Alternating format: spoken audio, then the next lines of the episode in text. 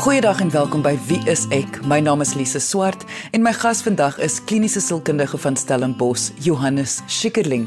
En ons gaan gesels oor die gevare van pedofilie, veral binne die konteks waar kinders nou geforseerd by die huis moet bly. Ons gaan gesels oor hoe ouers se gedrag 'n rol speel, hoe jy met jou kind kan kommunikeer oor die onderwerp sodat hulle vir jou soveel as moontlik kan vertel van wat hulle raak sien op hulle sosiale media of selfone. Hierdie is 'n baie ernstige onderwerp. So indien jy twyfel of nie seker is hoe om dit met jou kind te hanteer nie, kan jy enige tyd vir ons 'n vraag vra via ons webwerf by www.wieisek.co.za. Johannes, voor ek vir jou vra vra oor spesifiek die onderwerp van pedofilie, en hoe kinders beskerm moet word. Wil ek tog begin deur te vra hoekom is hierdie belangrik om op hierdie huidige oomblik te bespreek? Lise, ons sien dit in elk geval as baie belangrik dat mense kennis daaroor het. Maar ons weet dit is nou vakansie. Ons weet dat mense nou by die huis gaan sit. En natuurlik as gevolg van sosiale media en skermtyd wat natuurlik baie verhoog tydens vakansietye of as mense dan by die huis moet sit voel jy omdat kinders nou juis so lank by die huis moet wees, geforseerd by die huis is en hulle gaan dan meer skermtyd hê. Is dit 'n geval dat mense moet nou nie sê dat dit ruig sal wees vir pedofiele nie, maar is dit 'n geval van dat daar is meer 'n gevaar sone? Mense sou so aanneem, mense sou so aanneem. En dit is hoekom mense nou daaroor moet praat dat mens kinders as sowel as volwassenes en veral ouers bemagtig om te weet wat is gesonde grense rakende sosiale media teenwoordigheid en waar kan jy maklik geteken word en waar maak jy jouself 'n teken of hoe beskerm jy jouself? Maar Johannes, baie ouers sal nou redeneer dat maar my kind moet dan nou geforseer by die huis bly. So hulle gaan tog nie in kontak kan kom letterlik met 'n persoon wat gevaarlik is nie. So wat is die gevaar dan? Ons weet dat die gevaar en soos wat die beskrywing van seksuele mishandeling lê nie net in die daad daarvan nie, maar dit lê ook in die onnodige blootstelling van seksuele inhoud. Byvoorbeeld dat daar pornografie verskyn of dat daar 'n uh, onvanpaste versoeke is byvoorbeeld om foto's te stuur en foto's van geslagsdele te stuur en ensovoorts.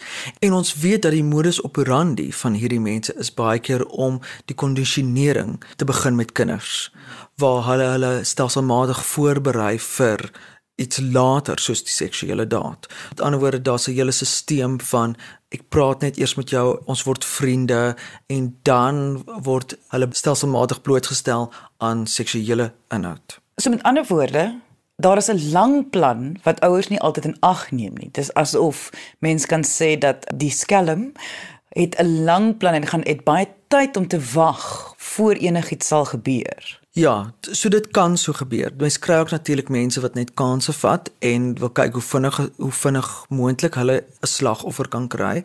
Maar daar is gewoonlik 'n langer tydsprosedure aan die gang hierso. So dit is nie net so eenvoudig soos iemand wat jou vra vir 'n foto nie. Baie keer doen mense, maar hulle is amper makliker om te sien. Mense wil eerder kyk na die mense wat 'n langdurige verhouding wil begin. Jy het nou die woord slagoffer gebruik. Ek wil bietjie gesels daaroor. Weerens gaan ek terugkom na die feit dat ouers voel baie keer, maar my kind sien nooit hierdie persoon nie of gaan nooit hierdie persoon in in letterlik sien nie. Maar nou deur foto's te stuur of deur vriende te raak met 'n volwassene. Watter nadelige effek het dit op 'n kind om om so 'n pad te loop? Die effek hiervan kan wees dat kinders vinniger blootgestel word aan dinge waarvoor hulle emosioneel nog nie reg is nie. En dit is eintlik wat ons groot bekommernis is. En daai blootstelling daarvan stimuleer natuurlik die kind om dan vroeër te begin eksperimenteer en dan daai eksperimentasie kan hoef nie noodwendig met volwassenes te gebeur nie maar met klasmaatjies. So dit is baie keer waar ons ook hierdie tendens optel is dat die juffrou sê o dat iets onvanpas gebeur by die skool tussen twee maatjies en dan moet mens ondersoek instel van waar het die blootstelling hiervan gekom. Baie keer wat ons dan sien is dat hierdie kinders blootgestel word aan pornografie en dat hulle dan of dan deel is van 'n kondisioneringsstelsel waar hulle gekondisioneer word of waar daar net bloot 'n onvanpaste verhouding is. En dan kom ons amper by 'n definisie van 'n tipe pedofilie uit. En dat ons onderskei tussen twee tipes. Ons onderskei tussen die wat 'n verhouding met 'n kind wil begin, soos wat hulle verhoudings met volwassenes het. En dit is baie keer mense volwassenes wat of ingeperk is op 'n sekere mate uh en dit kan wees sosiaal, dit kan wees intellektueel of dit kan selfs wees uh op 'n op 'n gestremdheidsvlak, selfs trauma ook.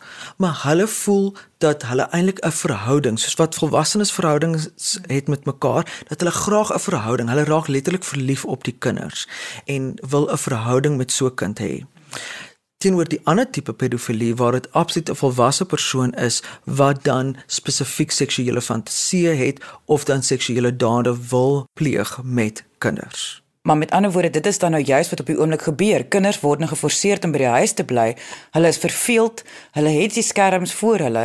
So dit is 'n goue tyd om 'n kind te nader. Ja, en dit is hoekom ons ons kinders nou al moet bemagtig om vir die regte tekens te kyk om te weet watter verhoudings is gesond en watter is nie gesond nie. Waar trek ek die lyn? Wanneer weet ek hierdie hierdie verhouding wat eens gesond was, word nou ongesond? En wanneer kom sê ek vir my maale? Wanneer kom maak ek dit bekend dat hierdie vriend nie meer is wat ek gedink het dit is nie of hoe luister ek na daai ongemaklike gevoel en wat moet dit wees en dat ons kinders handvate gee hoe om daarmee om te gaan en ook ouers veral bemagtig om op die regte tyd die regte blootstelling vir hulle kinders te gee rakende seksuele bewustheid en die beskerming van self. Jy luister na Wie is ek op RCG 100 tot 104 FM. Op watter ouderdom? Jy weet hoe oud moet 'n kind wees waar die ouers moet hierdie gesprek aanknoop van eh, die gevare daar buite veral met as dit kom by 'n pedofiel. In die sielkundige wêreld en beste navorsing wys eintlik dat ons glo dat 'n dierentyd te bewustheid van seksualiteit is geweldig belangrik. Natuurlik ouderdomsgepas.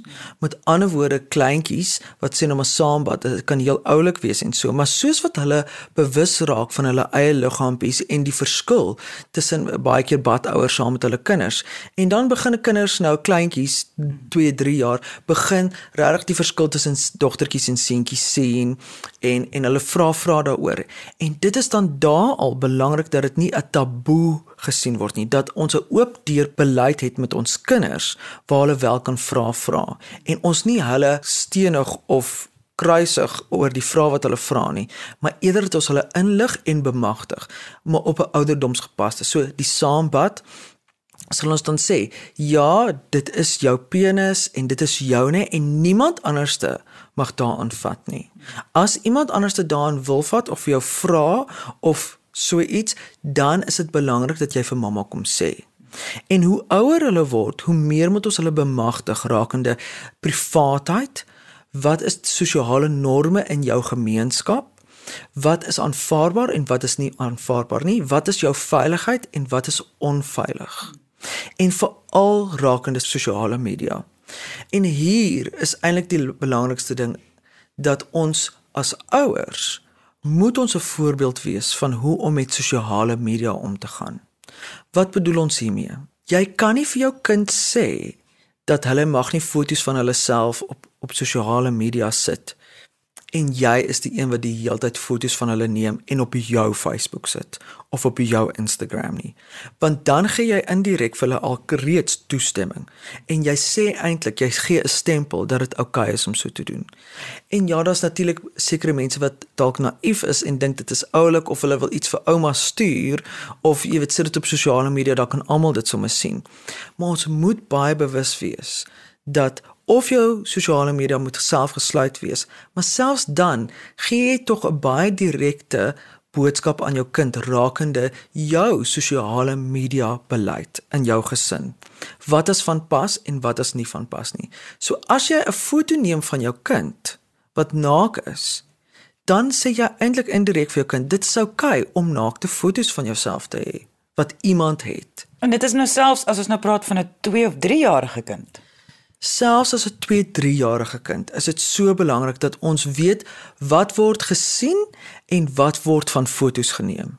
Dat ons reeds 'n bewustheid daarvan kweek. En as jou kinders op 'n partytjie is en hulle swem almal saam en daar is 'n ander mamma wat foto's neem van die kinders wat die 2-jarige kinders wat kaal rondhardloop want dit is nou pret om dan vir haar ook bewus te maak of gaan dalk net te vra luister is dit iets wat jy op sosiale media gaan sit of is dit iets wat jy net vir jou eie gebruik het en dan net vir haar vergewis nie aanval nie maar net vir haar bewus maak dat jy nie noodwendig gemaklik is dat daar foto's van jou kind geneem word terwyl hulle nie klere aan het nie byvoorbeeld.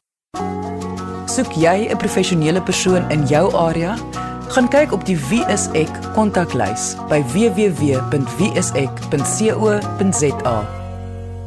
En dit het nou nie eintlik net te doen met wie die foto gaan sien nie. Wat jy nou eintlik sê is jou kind leer die gedrag by jou aan as hulle sien jy sit fotos op, dan aanvaar hulle op 'n heel onkundige vlak hmm. dat hulle kan fotos van hulle self opsit en dit is normaal. Absoluut, jy normaliseer die feit dat daar naakfoto's kan rondgaan. Want ek sit en dink nou, baie mense gaan nou sê ja, maar my kind het in geval van die sosiale media nie. Maar nou die die gedrag wat aangeleer word sal ook net soos die langplan vir ewig daar bly dat in die tyd wat hulle sosiale media het of as iemand vir hulle vra via WhatsApp stuur vir my 'n foto, gaan hulle voel dit is normaal want mamma en pappa doen dit ook. Presies. En ons sê dit baie keer vir ouers, onthou dit gaan nie oor dit wat jy sê nie. Kinders volg dit wat jy doen.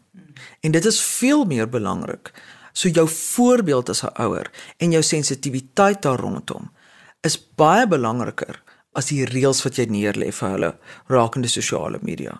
So binne die konteks van vandag se gesprek, is dit dan juis belangrik om daar te begin. Jou gedrag as ouer kan al klaar jou kind teen die gevare op die internet beskerm. Net so. So mens moet as ouer baie bewus wees van wat is die boodskap wat ek vir my kinders stuur met my sosiale media gebruik.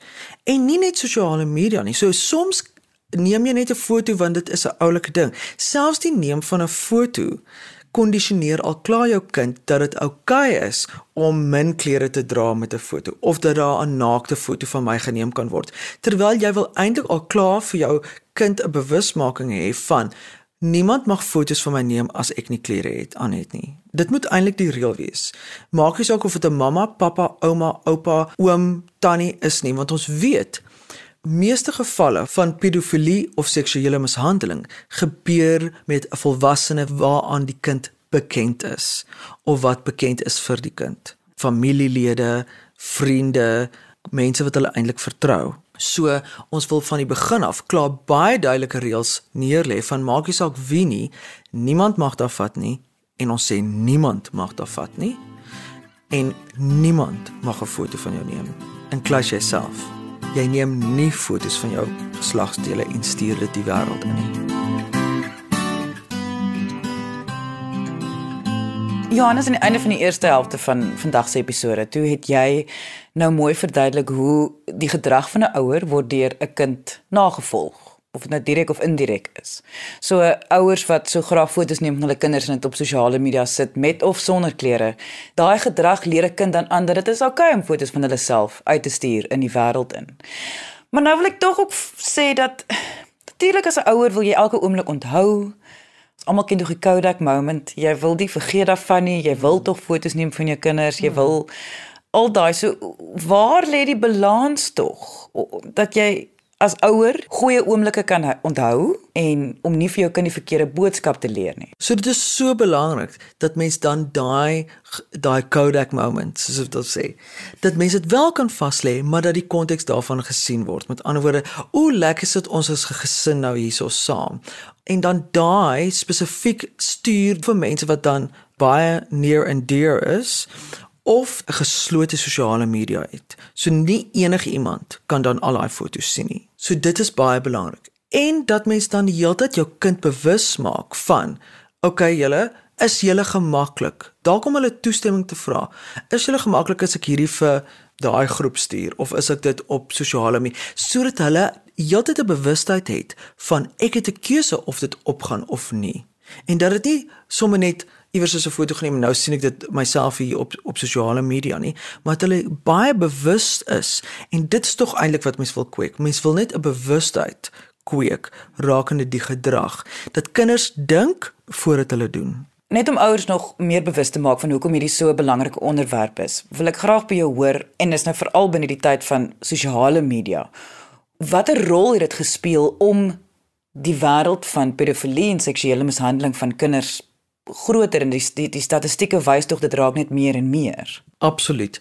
Daar is nog nie baie navorsing daaroor gedoen nie, want omdat ons verstaan van pedofilie redelik beskrywend is en dit is natuurlik baie waardevol want nie almal wat byvoorbeeld prentjies kyk of sien is noodwendig pedofiele nie. So ons klassifikasie daarvan is baie duidelik. Dit is dan iemand wat seksuele fantasieë het of dan romantiese gedagtes het oor seksuele dade met kinders. Dit kan ook dan mense wees wat oorgaan in dade. En ons kyk daarna dat dit baie ontstellend vir daai persoon is. Met ander woorde, dit gaan ook teen hulle eie morele waardes en dit ontstig hulle geweldig. Dit kan ook wees dat dan natuurlik van hulle is wat dit nie ontstel nie, maar hulle gaan gewoonlik oor in dade en dan kyk ons weer na die slagoffersyfer. Sodra iemand dit erken, is daar in ons land wetgewing wat alle terapeute of enige mediese persoon wat kennis dra van iemand wat aan pedofilie ly, het hulle 'n professionele plig om daai persoon aan te gee. So ons kry baie min pedofiele wat dit self aanmeld as gevolg van hierdie wetgewing. So, ons statistieke is meer geskoei op die seksuele slagoffer en daarvolgens kyk ons. Nou ons weet in ons arme land is daar statistiek dat minstens helfte van ons kinders op een of ander stadium van hulle lewe tussen die ouderdom van 0 en 16 gaan om en by 50% van hulle seksueel blootgestel word. Dit beteken nie dat hulle noodwendig verkragt gaan word of 'n seksuele daad gaan hê nie, maar dat hulle pornografie gaan sien, dat hulle blootgestel word aan 'n pedofiel, mense wat vir hulle vra om fotos te stuur ensovoorts. En dit verskil ongelukkig van area tot area. Ons kan dan sien in in minder gegoede areas is kinders baie meer kwesbaar vir dit. En daar sien ons selfs tot 70 80% van daai kinders staan 'n goeie kans om eintlik onnodige seksuele blootstelling te kry. Wat vir my geweldig skrikwekkend is, is die internet is wêreldwyd. Met ander woorde, een kind hier in Suid-Afrika kan die potensiële slagoffer wees van al die pedofiele in die hele wêreld. Jy is heeltemal reg. En dit is hoekom dit so belangrik is vir ouers om baie versigtig te wees rakende hulle kinders se sosiale media teenwoordigheid. Jy moet jou kind bemagtig om te weet wat is die gevare daar buite en om dit 'n baie beperkte sosiale media teenwoordigheid te hou. Met ander woorde, jy moet baie goeie grense in plek stel. Wat is goeie grense? Ek dink baie mense besef, okay, my kind mag nou nie eintlik voor die skerm wees of met die selfoon sit nie, maar hoe lank mag my kind? Waar is die grense? Kyk, kom ons onderskei tussen gewone skermtyd en dit wat hulle eintlik op die internet doen. So gewone skermtyd soos TV kyk of baie keer kyk kinders uh, YouTube of hulle is op WhatsApp besig om uh, huiswerk te vra vir die maatjie. So skermtyd weet ons is nie noodwendig so voordelig vir kinders nie en want kinders moet eintlik speel. So hulle kry inligting altyd uit 'n skerm uit, maar hulle leef dit nie uit nie. So ons wil graag hê dat kinders genoeg tyd het om die hele dag te prosesseer. En skermtyd is nie 'n prosesseringstyd nie, dis 'n ontvangtyd. Dis soos as jy in die skool sit, dan ontvang jy inligting van die onderwyseres af. Dis dieselfde met met skermtyd. Indien hulle begin speletjies speel en baie van hierdie speletjies is natuurlik online soos byvoorbeeld Fortnite en dan moet jy as ouer ook al reeds kyk wie is die maatjies hoe oud is die maatjies saam met wie hulle speel ken jy eintlik die maatjies want dit is baie keer 'n skuiwergat vir pedofiele Die ander een is natuurlik sosiale media en daar moet jy baie bewus wees om eers jou kind te bemagtig voordat jy vir hulle toestemming gee om op sosiale media te wees. Sodat hulle 'n toe-profiel het met baie sekuriteit. Hoekom? Want ons wil nie hê enigiemand in die wêreld moet hulle sommer net kontak nie. En ons wil baie graag hê dat jy as ouer ondersteunend wees daaroor, dat jy toegang het tot hulle sosiale media. Sodat jy hulle kan ondersteun en help tot en met rondom die ouderdom van 16. Soek jy 'n professionele persoon in jou area, gaan kyk op die WSE kontaklys by www.wsek.co.za. So wat jy sê is ouers moet eintlik daai wat altyd die die morele vraag is, ouers moet gaan kyk op die kind se self en wat gaan daaraan. Absoluut. En of dit nou op WhatsApp is en of dit nou waar ook al is, jy moet jou vergewis sodat jy nie noodwendig jou kind kan uittrap daaroor nie, maar sodat jy dit as 'n leermoment kan gebruik om te sê, "Jesus sussie, hoe het jy gevoel oor daai ou wat dit vir jou gestuur het?" En om te kyk en homself haar te prys. Sien hom as hy 'n baie goeie reaksie, 'n baie goeie grens gestel teenoor iemand, kan jy sê, "Wow, high five." Jy weet jy het hom goed gesê en hoop hulle kontak jou nooit weer nie sodat mense dit reg vir daai kinders bemagtig want ons kan nie hulle weghou daarvan nie. Dis nie 'n alles of niks ding nie. Ons moet eerder kinders leer en bemagtig hoe gaan jy met sosiale media om? Hoe hanteer jy mense wat lastig is op sosiale media? Hoe hanteer jy mense wat onvanpaste dinge vir jou vra? En ons wil eerder dit vir kinders aanleer as 'n alles of niks aanslag. Jy luister na Wie is ek op RCG 100 tot 104 FM. Ek sou aanneem die uitskel van wat hulle dan nou sien as mens nou skrik op 'n kind se selfoon gaan ook nie 'n goeie aanslag wees nie want ek dink dit gaan 'n kind dan net meer dryf om in die geheim goedjies te doen. Absoluut. So ons wil dit gebruik om leermomente te skep waar jy eintlik dit kan gebruik om te sê, "Wow, okay, kom ons sit saam om om uit te figure wat stuur ons vir hierdie persoon terug. Okay, sodat hulle baie duidelik weet dit is die grens. En ons wil graag hê dat dit nie net is met seksuele goed nie, maar ook met met boelie. Waar kinders baie lelik met mekaar is of selfs agter mekaar se rug of waar jou kind soms ingesluit word in 'n groep waar ons skinder oor 'n ander kind. Dat mens dan jou kind bemagtig om te sê, weet jy wat, ek's jammer maar ek gaan hierdie groep verlaat of ek stem nie saam met julle nie of ek voel dit wat ons nou doen is nie oukei okay nie. En dit is moeilik vir kinders en kinders kom na jou toe want hulle weet regtig nie en dit help jy skel hulle uit nie en dis die ongeluk van sosiale media is jy kan baie keer ingesluit word in iets waarvoor jy nie gekies het nie. So dit is dan belangrik dat jy vir die kind vra, het jy gekies hiervoor en hoe kies jy om te reageer hierop? Dit is die belangrikste bemagtiging wat ons eintlik vir ons kinders wil leer is hoe reageer ons daarop? Wat ek wel wil voorstel is indien ouers iets sien op hulle kind se selfoon en hulle is nie doodseker is dit iets wat hulle moet hanteer of nie? Sou ek liewer voorstel dat hulle vir ons sê wat het hulle gesien? En ons sal hulle help om dan miskien advies te gee oor hoe kan mense dit hanteer. Want soms as ouers is ons natuurlik emosioneel betrokke. En soos wat ons vir ons kinders leer dink en doen eers moet ons ook vir ons ouers leer dink en doen eers. En ons moet vir ons ouers toestemming gee om vir hulp te vra. Gaan praat met iemand wat regtig die kennis het, iemand wat 'n goeie idee het van ouerskap en wat jou as ouer kan help om amper 'n sosiale media beleid vas te stel sodat dit goed deurdag is of reaktief is en gil en skree en jy oorweldig is. Nie want as jy oorweldig is gaan hierdie kind net so groot skrik. Of dalk nog erger hulle word nuuskierig oor wat is die ding wat jou so aan die grond het Mens sal dan baie graag 'n beleid vir jouself en vir jou gesin wil opstel met die hulp van iemand wat regtig kennis hiervan het en weet wat is al die gevare daarvan. So indien jy enige vrae het, kan ons dalk help kontak ons deur ons webwerf by www.wieisek.co.za. Of natuurlik kan jy kom saamgesels op ons Facebookblad onder Wie is ek SA. Baie dankie dat jy vandag ingeskakel het. Ons maak weer so volgende Vrydag 12:30 net hier op RSG. Jy moet 'n heerlike naweek hê en onthou, kyk mooi na jouself en jou kind.